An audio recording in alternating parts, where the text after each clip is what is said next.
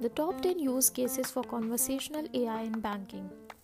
By 2024, banking will be one of the two businesses spending the most on AI solutions.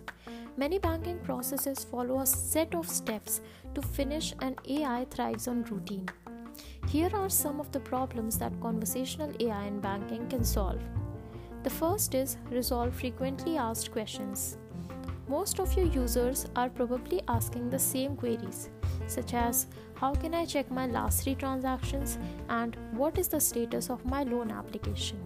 The second is keep track of payments and transaction. People must clear bills, pay businesses, purchase online, or do any type of business or internet transaction on a frequent basis. The user can utilize a chatbot to make and track these payments.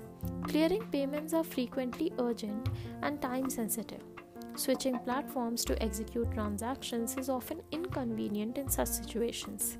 Your consumers can make payment wherever they are using an omni channel chatbot without any delays.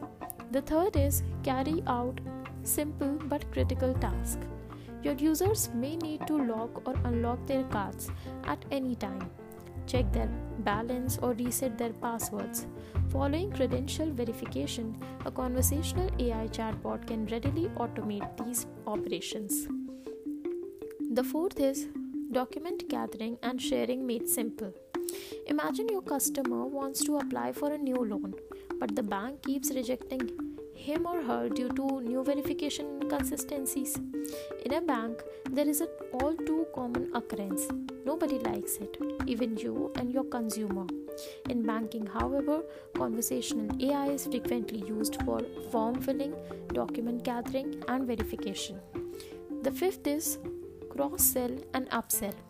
Chatbots can find chances to produce more revenue, which is another popular conversational AI use case in banking. The sixth is send notifications and reminders. Your users may quickly set up bill reminders with the help of conversational AI in banking.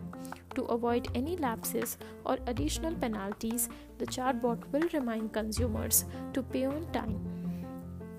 The seventh is find the closest ATM or branch. A conversational AI banking chatbot can also assist users in locating the nearest bank or ATM, which is crucial if they require immediate cash.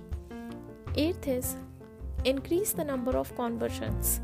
Lead creation is one of the most well known conversational AI use cases in banking.